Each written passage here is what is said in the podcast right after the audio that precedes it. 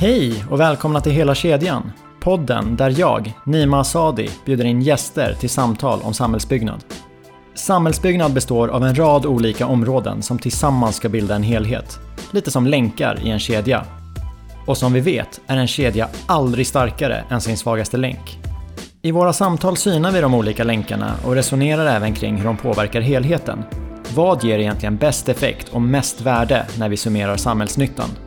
Vill ni komma i kontakt med mig hittar ni kontaktuppgifter i avsnittsbeskrivningen samt på www.hela-kedjan.se. Där hittar ni även mer detaljerad information om de olika avsnitten. Om ni vill ta del av filmklipp på kommande gäster kan ni göra det via poddens sidor på Instagram och LinkedIn. Sidorna är öppna så ni behöver inte ha egna konton för att få access. Även de här länkarna hittar ni i avsnittsbeskrivningen. Innan vi börjar med dagens avsnitt vill jag rikta ett stort tack till poddens nya samarbetspartner Byggvärlden. Mer om samarbetet hittar ni i Byggvärldens nyhetsbrev som ni enkelt kan signa upp er på via deras hemsida. Så, nu är det dags. Min nästa gäst har en bakgrund inom media och där hon bland annat varit med i skapandet av SVT Play. Efter ett mellanspel i utbildningsbranschen, där det även där var fokus på digitalt, är hon idag VD för ett av Sveriges största arkitektkontor. Hon är en stor förespråkare av att med hjälp av ny teknik utveckla mer effektiva arbetsmetoder och skapa bättre miljöer. Vi pratar förändringsarbete, nya affärsmodeller, vad som är på gång i branschen och mycket mer. Nu ska jag sluta dra ut på det. Låt mig istället presentera Johanna Frelin.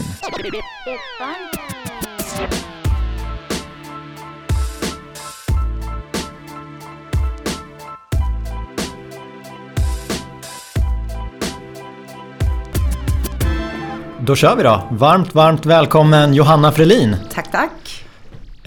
Eller varmt välkommen, det är ju... Du är hemma hos oss. Precis. Precis. På Katarinavägen Ja. på Södermalm. Fantastisk utsikt genom de här stora helglaspartierna. Mm. Du ska se när det är soligt väder hur det ser ut. Stockholm är underbart från den här vyn.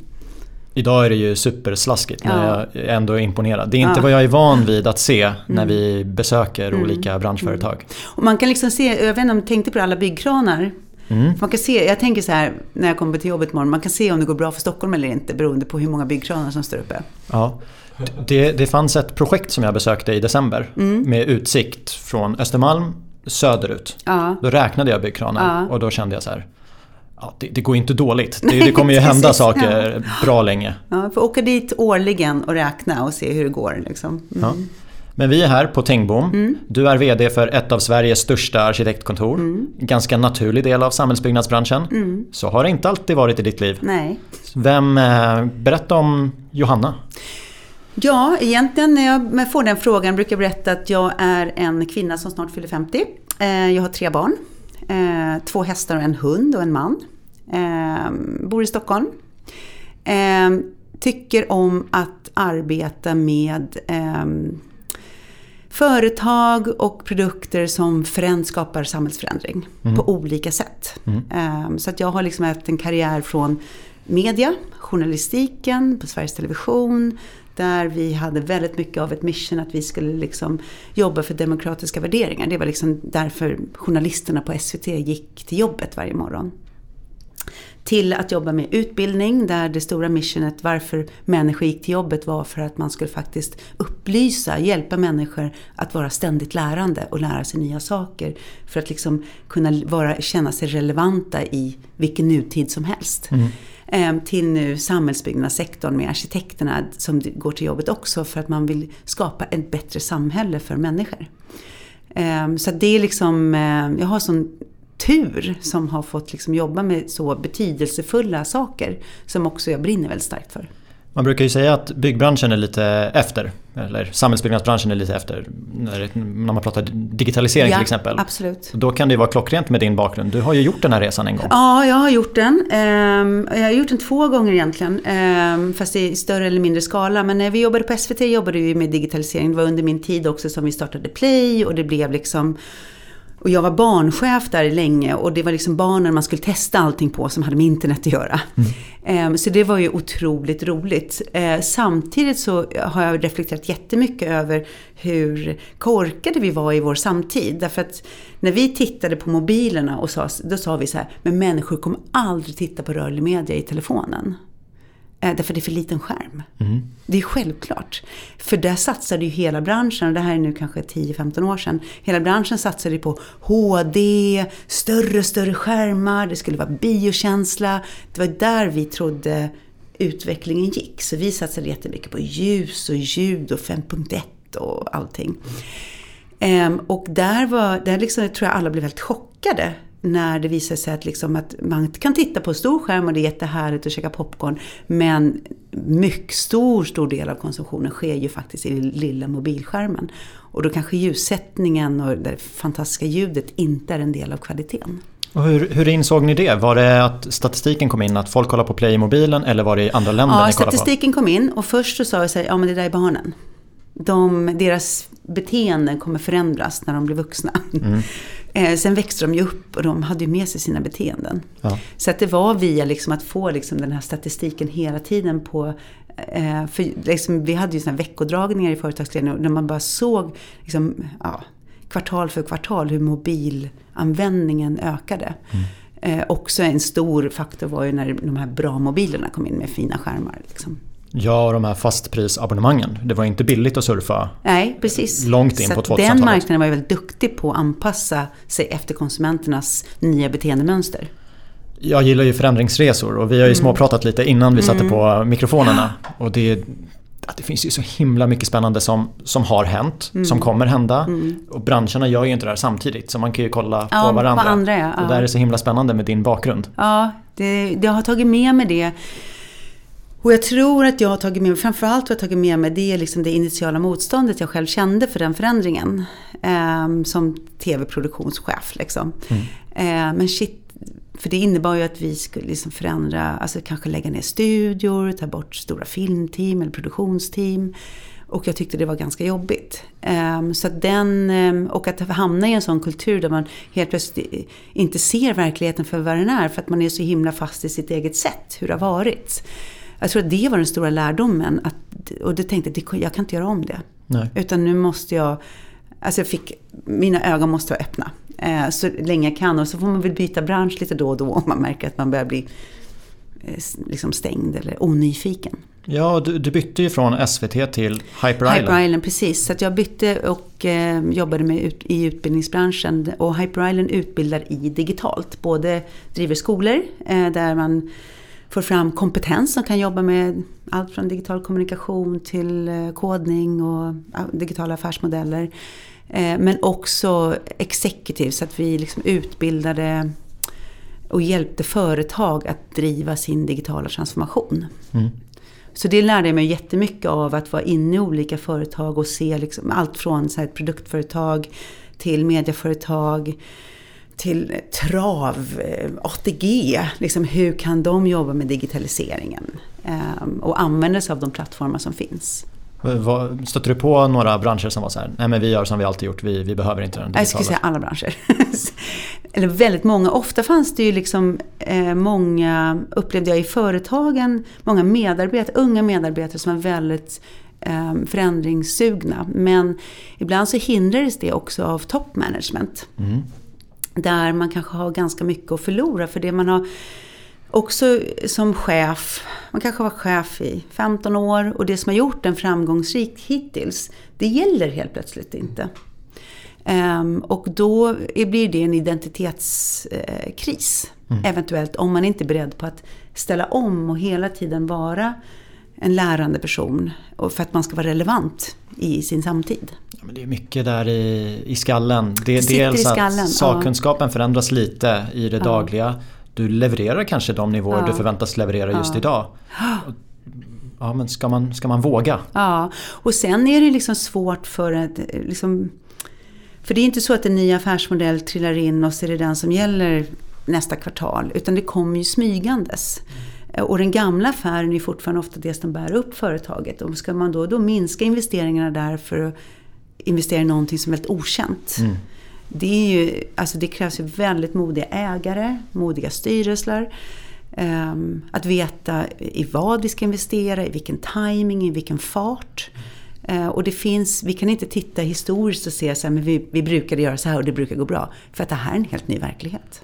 Ja, den här internkommunikationen. För att om man ska satsa inom ett nytt område. vad, vad, säger man till dem som jobbar på det här framgångsrika området idag? Men ja. som kanske inte får ta del av alla nya Nej. satsningar.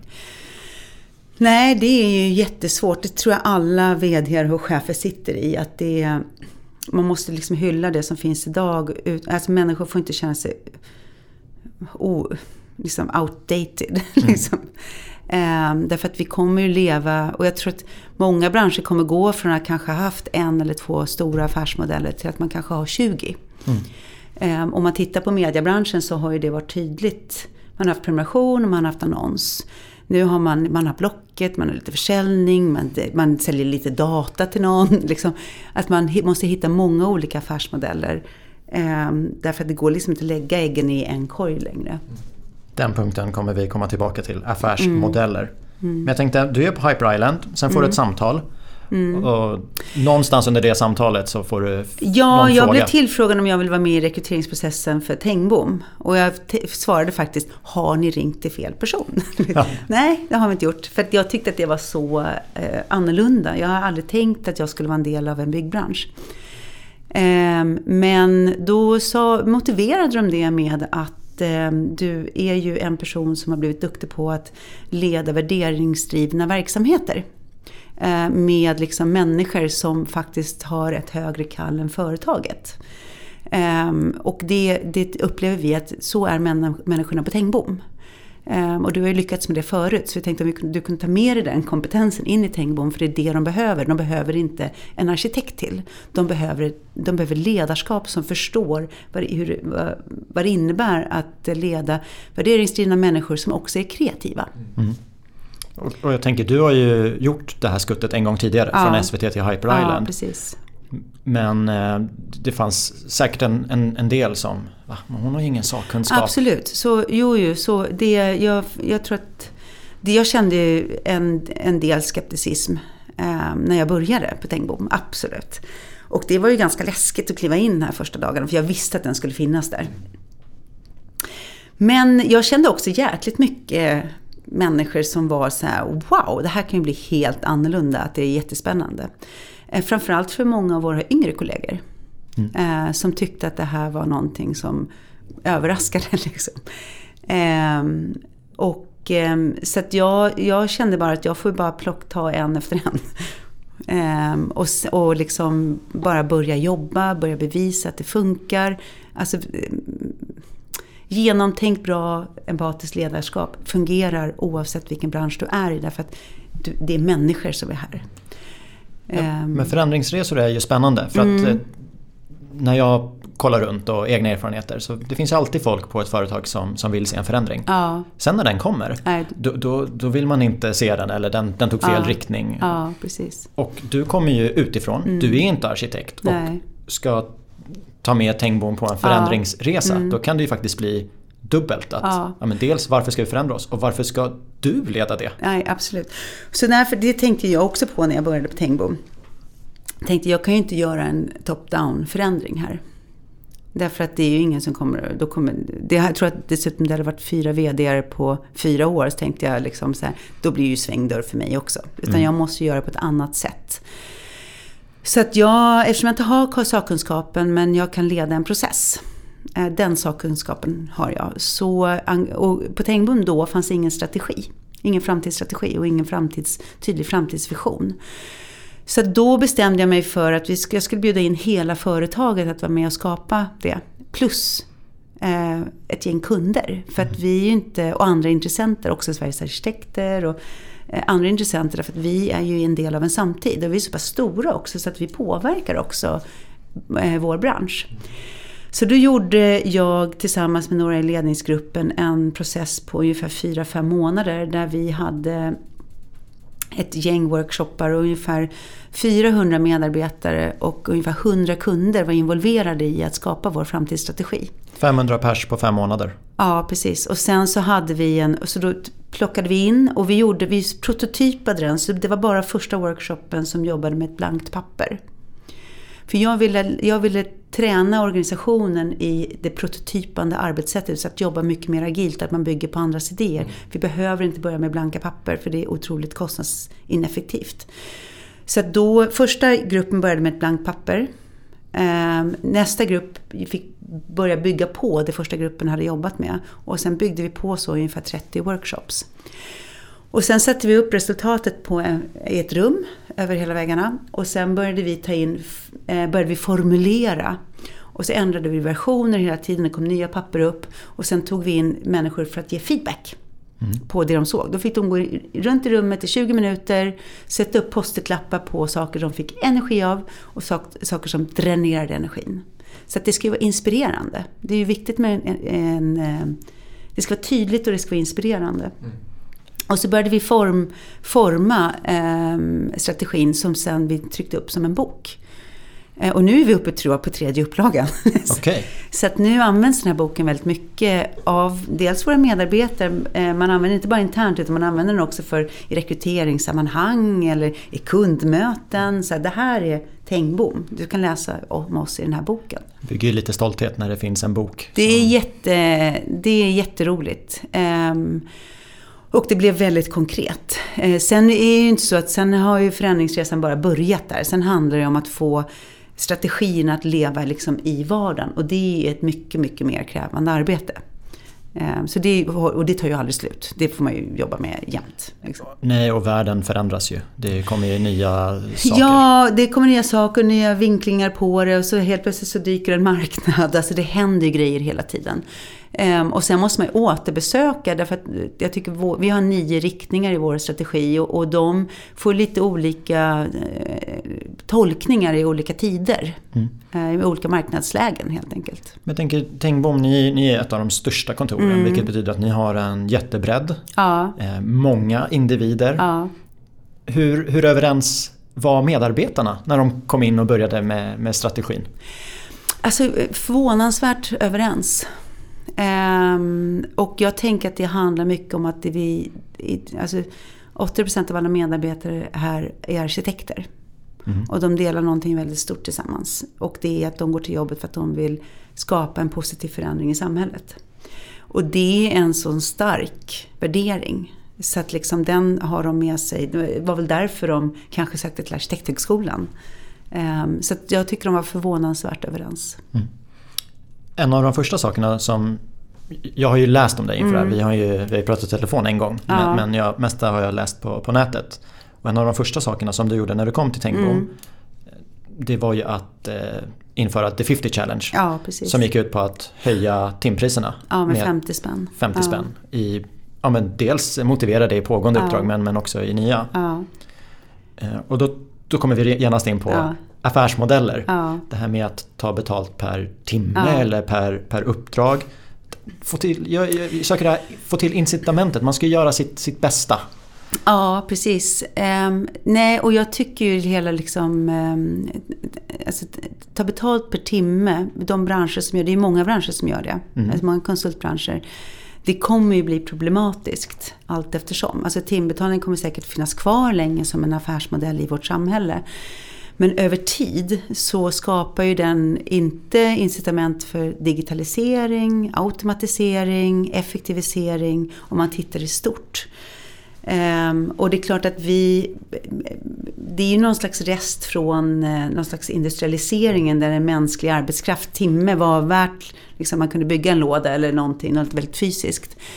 Um, idag så är ju inte den relevant, utan, eller mer och mer blir det ju liksom att, att det är maskinerna som producerar de, här, de sakerna och att vi ska snarare ta betalt för idéer, det värde vi skapar. Uh, men det är mycket fluffigare så det är mycket svårare att liksom föreslå det för en kund imorgon. Alltså liksom, ni får 100 000 för min idé.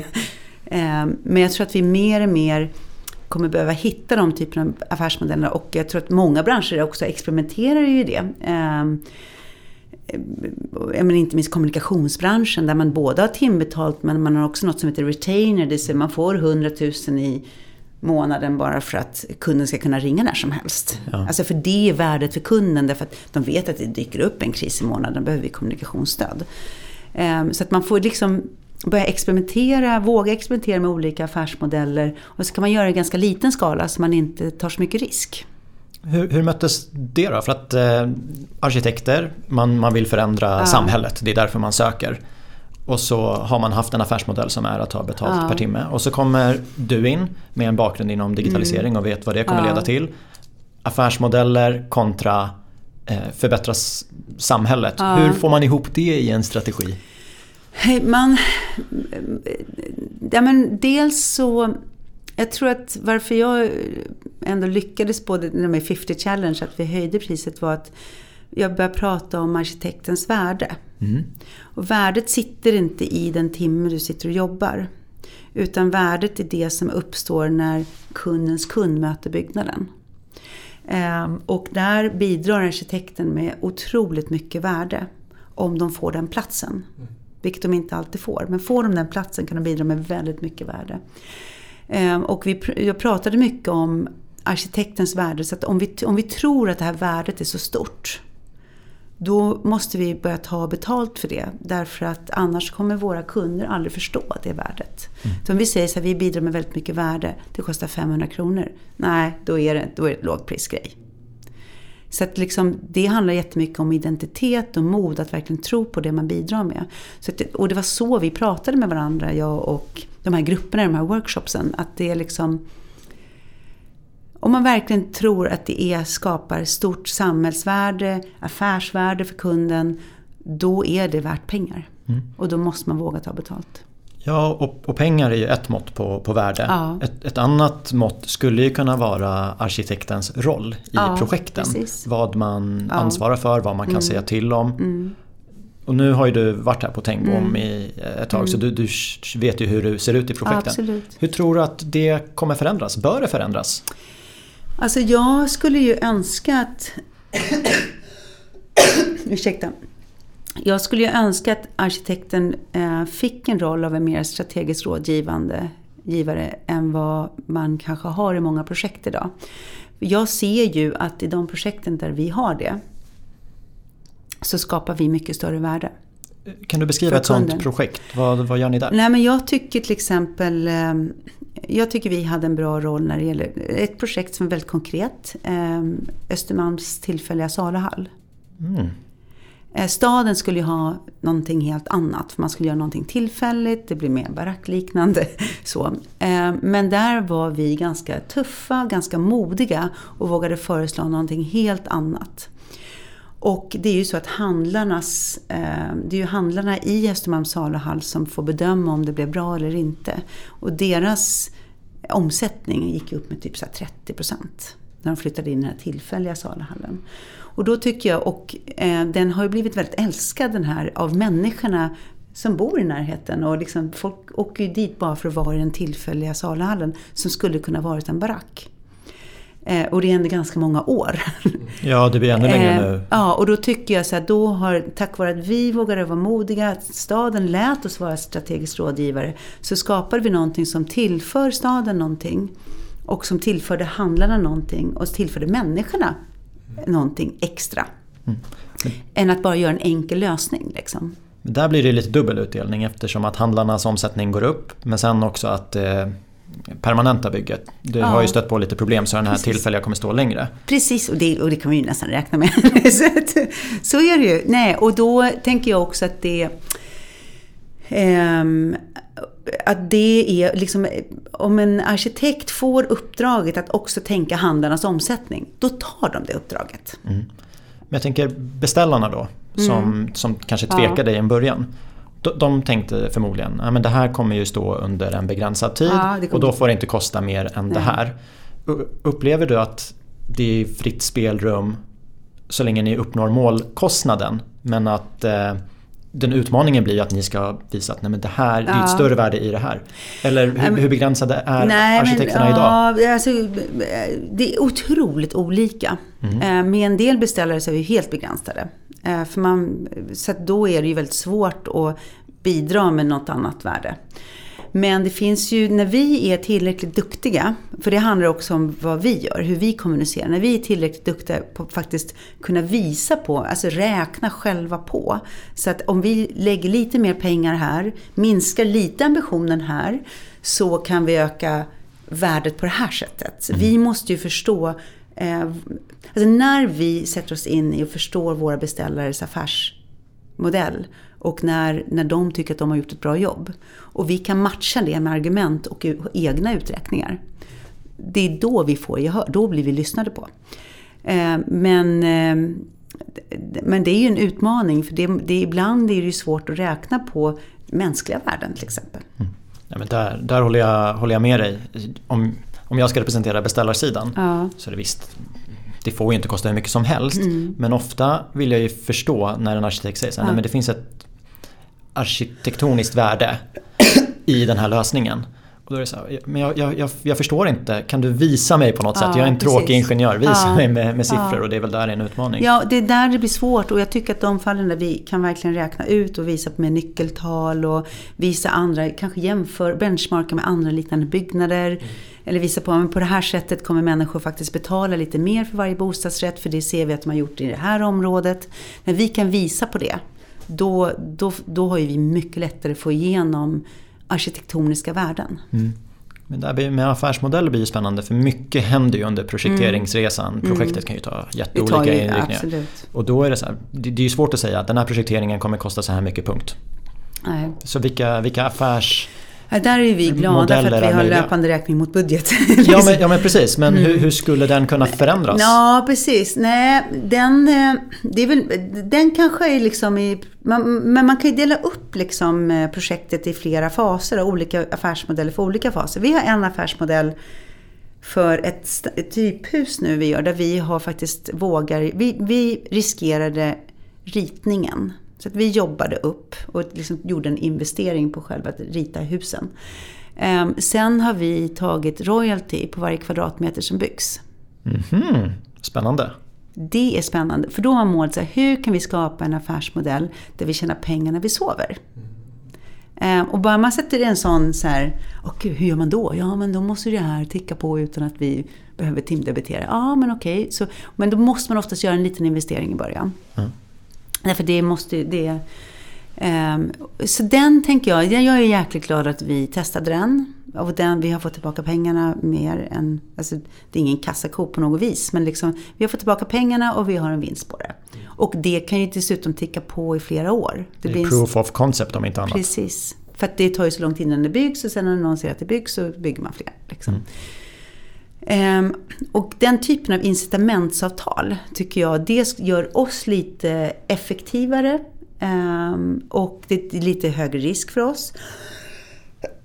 Men det gör att vi också börjar ehm, tänka mycket mer kommersiellt. Mm. Så det driver, tycker jag, oss som företag att bli vassare. Mm. Sen är det svårt i en projekteringsfas där vi kanske inte styr allting själva. Eh, för det händer grejer med staden, det liksom kan hända grejer på bygget. Det är, liksom, det är en mycket mer eh, levande process. Eh, och då är det svårt för oss att ta den risken när vi inte kan styra det helt själv. Det kanske är också en ny affärsmodell att arkitekten tar det ansvaret eller tillsammans med en entreprenör. Göra det. Ja, precis. Men då måste vi liksom få veta att vi sitter i förarsätet där för att ta den risken. Mm. Och, vara, och det, det tror jag många arkitekter är beredda på att göra och många arkitektföretag är beredda på att göra. Då blir risken större, då ska det vara större avkastning men vi ska ha rollen då att faktiskt leda det arbetet. Om, om vi tar samhällsbyggnadsbranschen och så begränsar vi oss till arkitektfältet. Mm. Eh, vad ser du för utmaningar där idag och kommande? Dels eh, att vi har för lite kompetens i Sverige. Alltså det är ju ont om arkitekter generellt och har varit i många år. Mm. Um, och det är väl hela byggbranschen. Vi skulle också behöva ha fler ingenjörer.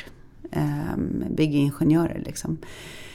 Um, sen tycker jag utmaningen är väl också liksom hela, i hela samhället att vi liksom väldigt frustrerande. Det ska liksom byggas i stora snabba skov. Så bara, nu är det bråttom, ingen har någonstans att bo, det finns inga sjukhus och vi har inga skolor att skicka barnen till. Och så blir det skitbråttom och så ska allting bara smällas upp jättesnabbt. Och det blir kanske inte så reflekterande hur vi faktiskt bygger upp våra samhällen.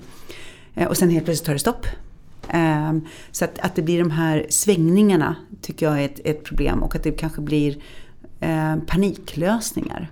Men det känns ju som ett problem som branschen äger fullt. För att det är lika mycket snack om att ledtiderna är alldeles för långa. För långa ja. Och ändå är tiden för kort? Är det att man inte ja, vågar förhandsinvestera? Nej, men jag tror också att liksom om man, jag blev faktiskt förvånad, nu är jag liksom i branschen så jag är färgad av branschen nu, men mm. när jag kom till Tengbom eh, så blev, och träffade branschen på olika seminarier och konferenser så blev jag så förvånad också att man jobbar så lite tillsammans. Eh, och att det finns ett väldig hierarki, så här, men nu är det du som är underkonsult, nu är det jag som bestämmer. Och sen byts ju det. Helt plötsligt är du underkonsult till mig istället, men då är det jag som bestämmer. Och så har man en, liksom en handover-process mellan olika konsultgrupper och olika människor som äger processen.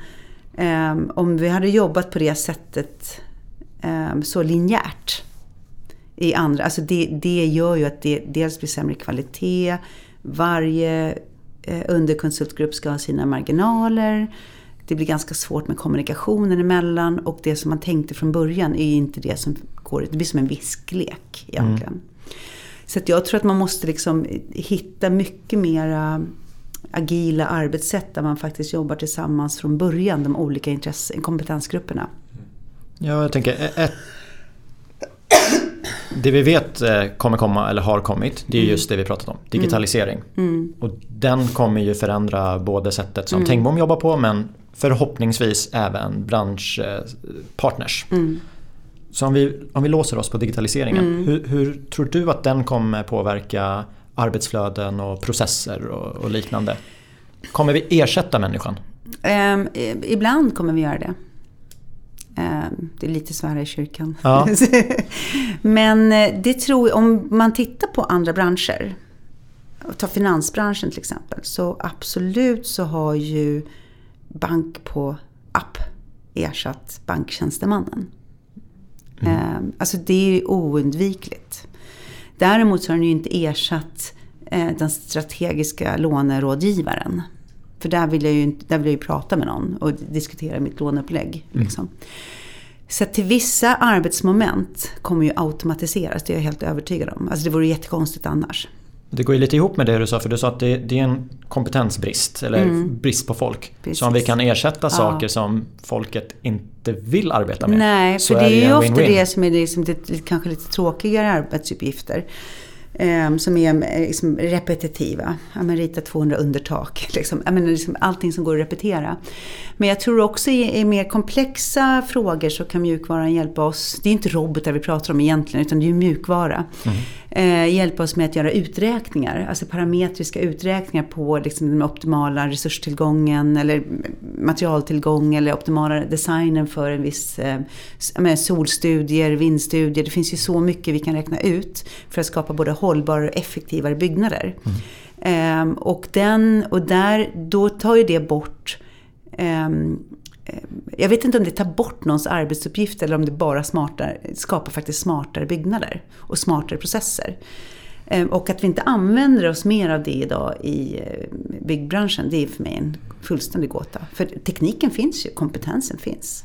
Jag håller med. Det, det blir lite Sverigekyrkan. Jag kommer från bostadssidan och då, då vill man ha en hög nyttjandegrad ja. när man bygger. Mm. Men det är ingenting som säger att ja, men vi, vi kör det som mjukvaran tar fram. Men mm. om mjukvaran tar fram de tio bästa, bästa lösningarna, lösningar så kan man jobba vidare från dem och det är det vi vill åt. Det är precis det, att kunna stoppa in de här nyckeltalen.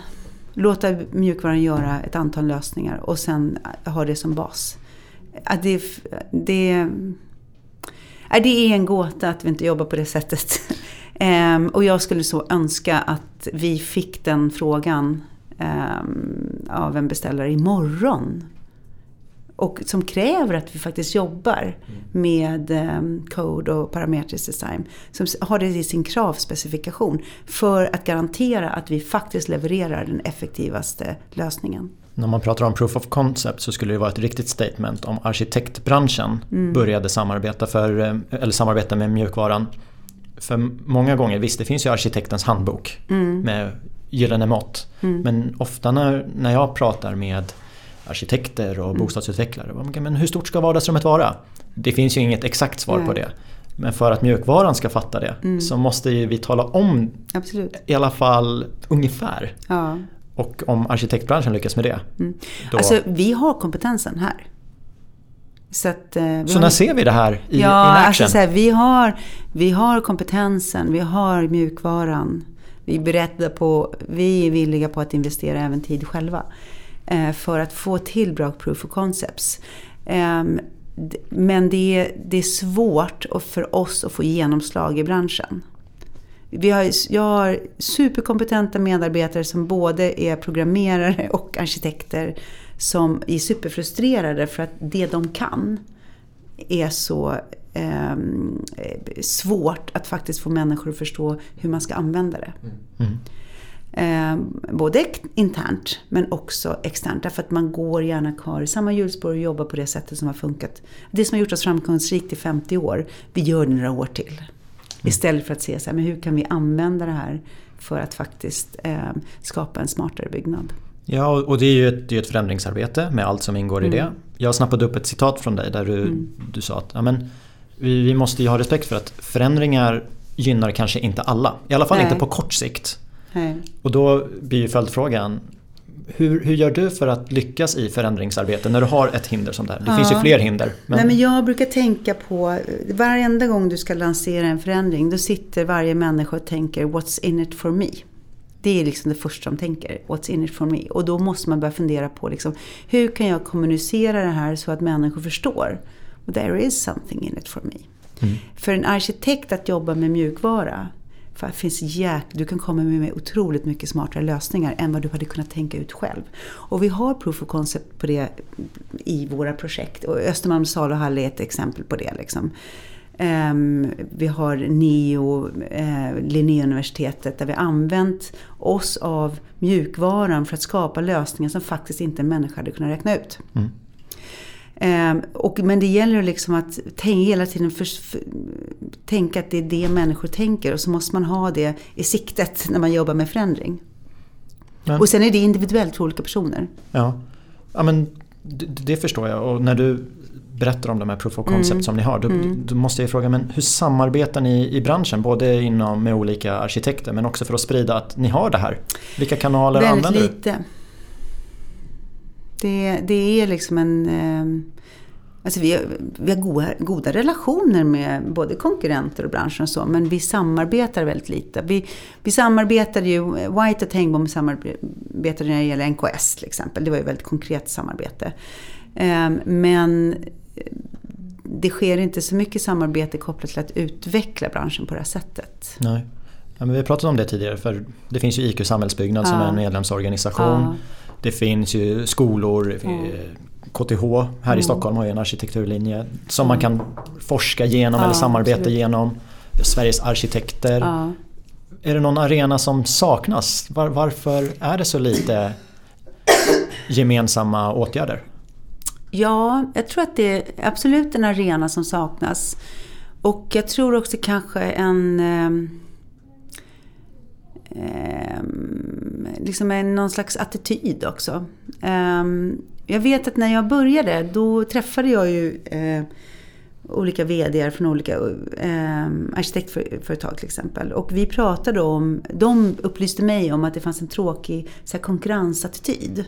Och VDarna vill förändra det här. Mm. Liksom så här, ja, men så här, om, om uh, Utopia lägger ut ett fint projekt på min Facebookflöde, då ska jag trycka på gilla. Så är det bara. Mm. Därför att jag ska heja också på mina konkurrenter.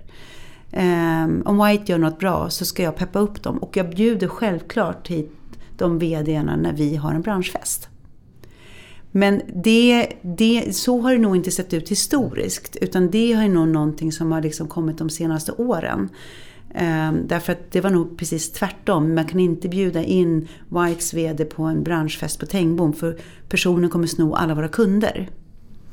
Um, men vi bestämde ändå, och det hade de kanske bestämt innan också, men de ville inkludera mig i den tanken att vi, vi är så pass stora och generösa så vi är inte så rädda för det. Mm. För vi är självsäkra i oss själva liksom. Ja, men jag tänker också när man man kanske sa samma sak för tio år sedan att vi står inför en jätteförändringsresa. Mm. Men nu säger jag det. Vi står ja, inför en jätteförändringsresa. Och då tänker jag som, som bilbranschen, om alla ska jobba på sina egna kammare. Nej, det, det, nej, då har vi inte råd att göra det. Nej, men man har inte råd, det är inte bra samhällsnytta. Och sen när produkterna kommer så pratar mm. de inte med varandra. Mm. Eh, det är ju ett jätteproblem. Mm. Det finns inom eh, mjukvaror också med mm. Facebook och Instagram mm. och Google. Liksom. Vi mm. måste kunna få bygga på varandras Ja. lösningar. Visst, man ska kunna ha hemligheter men, men, men Alltså, det- det, Vad, alltså, det är så en liten del. det är så en liten del. Forskning och sånt kan vi Ja. göra tillsammans, bestämma standarder. Absolut, men, nej, men den, jag tycker inte, på konkret nivå så tycker inte jag den eh, dialogen finns. Jag tycker inte den arenan finns. Alltså de, sen, jag tycker de arenor vi har tillsammans med byggbranschen har förändrats under de här tre åren jag har varit här. Att det har gått mer, handlat mer och mer om digitalisering. Det är ju jätteroligt. Men då blir det oftast på ganska abstrakt nivå. Och, och alla seminarier konkluderar med att vi måste jobba mer ihop. Vi måste ha en arena typ. Vi måste ta det här på allvar. Men sen kommer det liksom inte så mycket konkret ur det. Um, och det, där tror jag, liksom, om du tittar i, liksom om du zoomar ut så tänker jag att branschen befinner sig i någon slags awakening-fas. Men det är ingen sense of urgency. Nej. Och varför är det inte det då? För man kan ju bara titta på andra branscher och se så här, shit, de som inte kände sense of urgency, det har ju gått, blivit jättejobbigt för dem. Men den här branschen har ju klarat några Mm. awakenings tidigare. Precis. Utan att göra någonting. Man har tjänat ganska mycket pengar under Ja. de senaste åren. Nuvarande affärsmodell funkar finfint. Ehm, det, det är liksom, kom, jag har inte än kommit i någon stor Klarna eller Google som har liksom utmanat branschen. Ehm, och vi kanske är så pass mänskliga så att när, så länge inte hotet står liksom framför näsan på oss tuffar vi på som vanligt. Ja, men du nämner ju samarbete med de andra arkitektkontoren. Det verkar ju vara lite personberoende. Att det är en bra kommunikation just nu. Ja, ja absolut. Men i en bransch, samhällsbyggnad, omsätter tusen miljarder. Ja. Ska vi verkligen lita på ett gäng VDR? Det, Nej, det går inte. Så vi måste ju få till den här arenan. Absolut. Och eh, ja, alla förslag tas tacksamt Ja. emot så att vi kan sprida. Och jag tror att det är viktigt liksom att gå från eh, prat till test. Okay. Jag säger inte så här prat resultat för det, det kanske är övermäktigt. Men liksom att man måste våga testa. Man måste liksom vara några stycken aktörer som bestämmer. I det här huset prövar vi. Ja, men vi gör det. Vi gör det nu. Vi har ingen jäkla aning om, hur, om det kommer att gå bra. Men vi ser till att vi litar på varandra från början. Vi har full transparens i, i hela... Vi tar bara in de personer som vi vet har, är transparenta, har superbra teamattityd och är jättebra på att samarbeta. Och, eh, är nyfikna. De andra får jobba någon annanstans. Och där testar vi. Ehm, och om fyra år ska byggnaden stå på plats och så har vi lärt oss massor. Och så gör vi hela processen transparent oss- också. Vi lägger ut våra lärdomar. Alltså, den typen av process skulle man ju bara älska att vara med i. Ja, men det, där blir det spännande att, prata med dig för att jag upplevde att branschen den exploderade mellan 2013 och 2017 i alla fall. Då var alla glada, det var höga vinster. Är, det, är det inte då man ska investera i sådana saker? När man har 30% istället för 15%?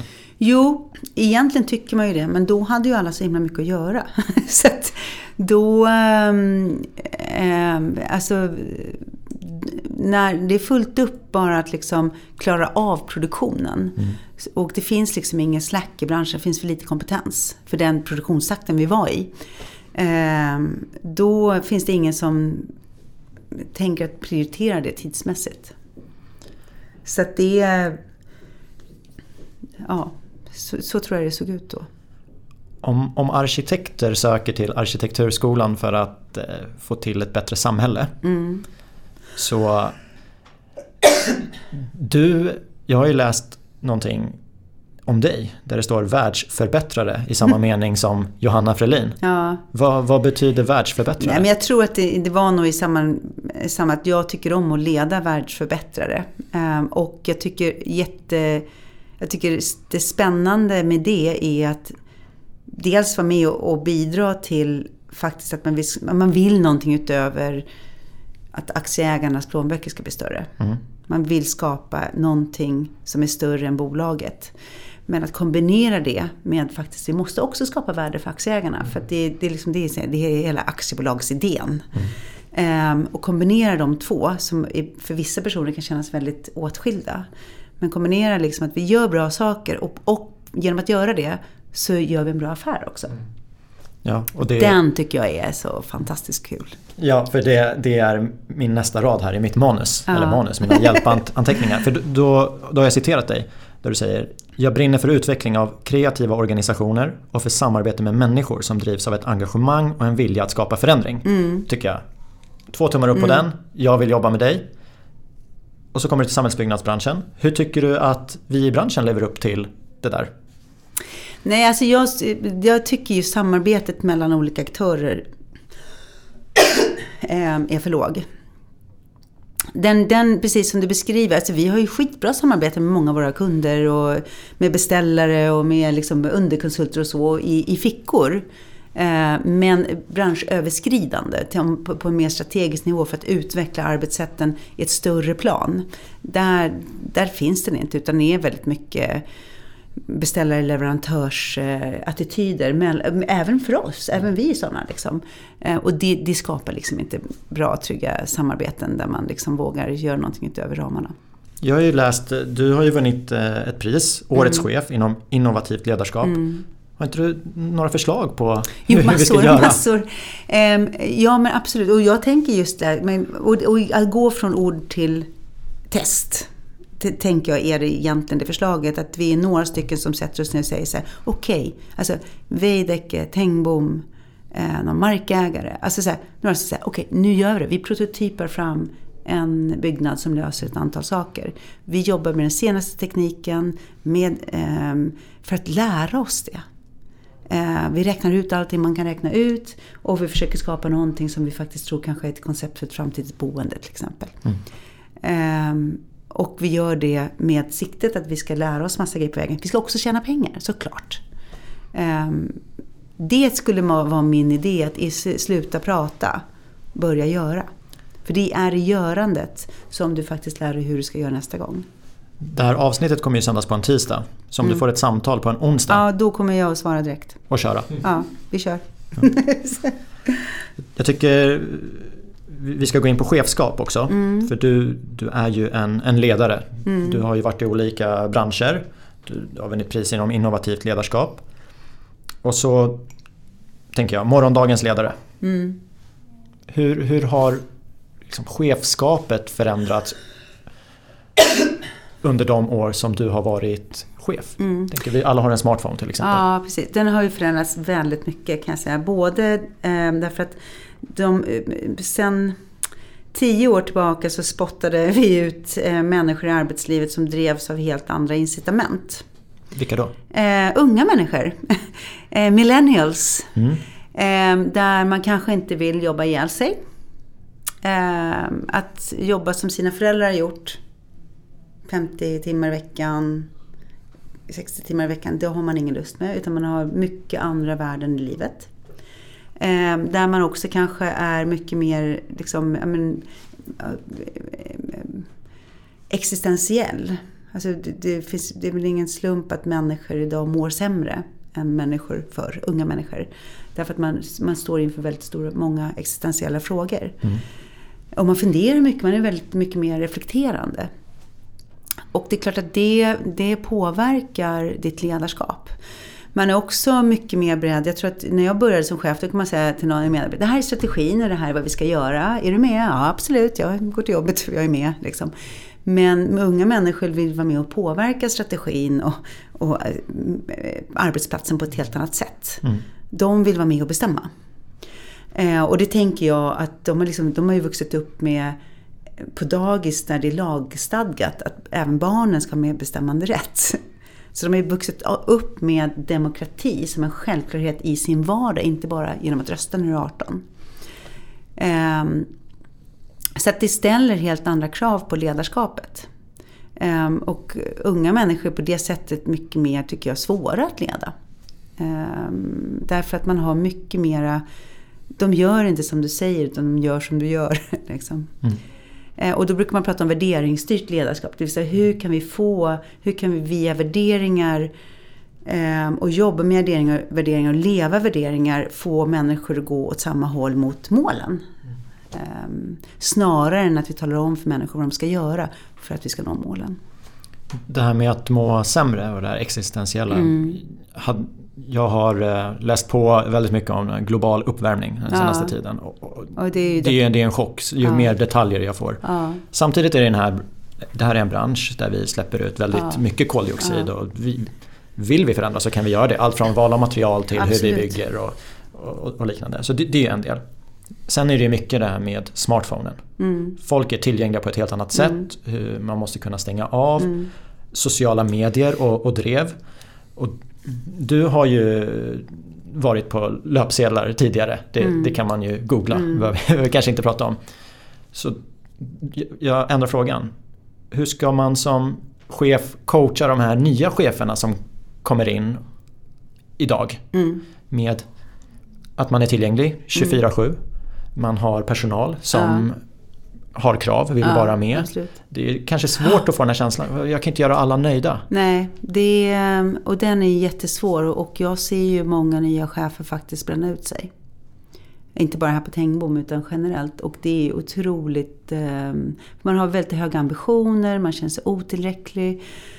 Och ehm, det som jag tänker, och då funderar jag på så men varför har jag inte bränt ut mig? Vad är det som jag har som gör att jag aldrig har känt mig i närheten? Eh, och så har jag tänkt att i botten att jag har jävligt bra självkänsla. Eh, jag behöver inte bli älskad av alla. Jag vill ju gärna det såklart. Men, men jag måste inte det för att eh, må bra och känna balans. Eh, jag har varit skitnoga med att liksom, om jag hämtar mina ungar två dagar i veckan klockan fyra, annars är det inte värt att ha jobbet. Mm. Liksom. Jag har mina hästar. Um, Vad är det för hästar? Jag måste... Islandshästar. Oh. Jag åker till stallet och liksom, eh, mock, som mina barn säger, ska du åka ut och skyffla bajs igen? ja, det ska jag. Och tölta lite. Töltar också. Ja, jag har koll. Um, och jag tror att liksom dagens, både ledarskap men också medarbetarskap, liksom att leva i dagens samhälle kräver väldigt mycket att man måste leda sig själv i det här. Därför att mängden av läsk, mängden av information, mängden av kommunikation, mängden av alkohol, mängden av allt är ju oändlig för mm. oss. Och det innebär att du måste vara jävligt duktig på att liksom leda dig själv på när har jag fått för mycket information eller när kommunicerar jag för mycket, när är det jag faktiskt ska stänga av. För att det blir för mycket för hjärnan. När jag har druckit för mycket läsk så att jag liksom blir tjock. Eller mm. liksom så här. Du måste kunna liksom styra dig själv. Och för att kunna göra det så kanske du behöver coach, du behöver jättegod självinsikt med liksom mina svagheter och vad jag faller ner i, är det läskträsket eller social media-träsket? Mm. Är jag en sån som inte kan låta bli att titta på Facebook när jag vaknar klockan två på natten? Alltså så här, det är ju lite varningssignaler. Mm. Så hur kan du göra för att det inte ska hända? Eh, så att det ställer mycket högre krav på, för samhället leder inte dig längre. Att du ska jobba till klockan fem, du ska börja klockan nio, jobba till klockan fem och sen ska du gå hem. Bla, bla, bla. Utan du måste leda dig själv. Eh, och det ställer ganska höga krav på dig. Eh, och det är inte säkert att eh, alla är jättebra på det. Ja, men det här med för mycket läsk, om vi nu tar det som ja. exempel. Det är ju svårt att veta ja, men när är det för mycket läsk. Men, men du hade en regel, du ska hämta barnen två gånger i veckan klockan ja. fyra. Har du några fler sådana här, ja. ingen mobil efter 22? Nej, jag, nej jag, jag har nog bestämt mig. Jag, för sju, åtta år sedan då bestämde jag, det är så mycket med de bara ringer hela tiden och det är mejl hela tiden. Så då kände jag mig lite så stressad. Hur ska jag kunna um, hur ska jag kunna inte vara stressad i det här kommunikationsflödet? Och så tänkte jag att om jag ska testa en grej, det är att ha en egen attityd, att det inte stressar mig. Så jag prövade det. Och det, sen har det inte varit en issue. Så att man kan också styra sina känslor. Man vet inte om det, men hjärnan kan styra känslorna. Det är neuroledarskap, det senaste inom ledarskap. Um, så att jag, men däremot har jag vissa liksom så här, jag åker på semester, uh, jag tränar.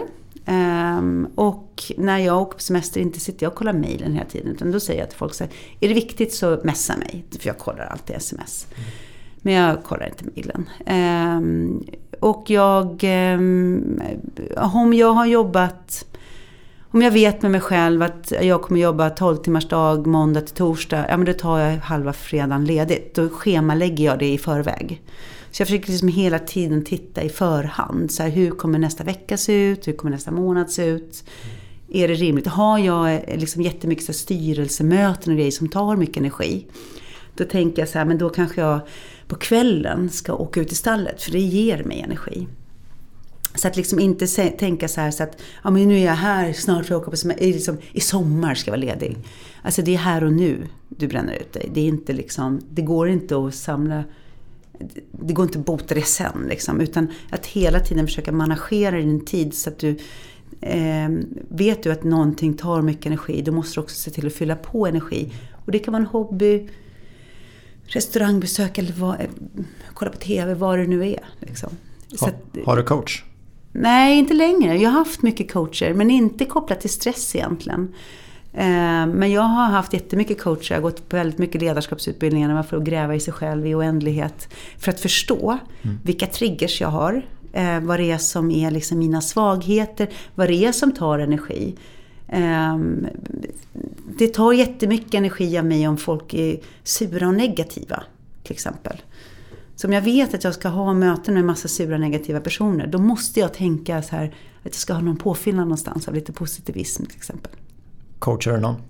Ja, jag har alltid eh, minst en adept utanför företaget. Och sen har jag, jobbar jag ju jättemycket coachande ledarskap. Mm. Men jag tycker det är väldigt roligt. Vi börjar närma oss slutet av det här samtalet. Jag skulle vilja plocka fram visionären inom, inom dig. Mm. Vi tar ett tidsperspektiv, vi tar om tio år. Vad tror du har förändrats i branschen? Oh, då tror jag vi har kortat byggtiderna. Vi har halverat dem. Kanske 15 år, men nu är vi ändå lite fantasifulla. Vi har halverat byggtiderna för att vi jobbar, dels jobbar vi mycket mer integrerat runt modellen. Ehm, och vi använder oss också av den smarta mjukvaran för, för att räkna ut smarta lösningar. Sen så har vi börjat experimentera mycket mer med ehm, robotproduktion. Um, där vi um, producerar saker mycket, mycket effektivare. Tänker du både mjukvara och hårdvara då? Ja, precis. Um, och på det sättet, genom att liksom jobba mycket mer integrerat tillsammans runt modellen, genom hela processen från liksom mark till nycklar, att vi har liksom ett, jag ser framför mig så att man är runt modellen ett antal med vita rockar från olika kompetenser som sitter liksom så här managerar den här hjärnan som modellen är. Eh, och att då blir vi mycket effektivare. Så om ni är intresserade av att halvera byggtider och bli effektivare kan ni höra av er till Johanna? Absolut, det blir jättebra. Jag kommer behöva hjälp av flera i branschen bara. Ja, ett team. Tack för att vi fick komma hit. Ja. Jag har velat träffa dig i, ja men det blir ett år i ja. juni. Det här kommer ju sändas tidigare. Men. Eh, nu är det gjort. Nu kan jag kryssa det. Check på den. Och eh, vi kör en avstämning lite längre fram. Ja. Se hur det har förändrats. Ja, tack så jättemycket. Tack.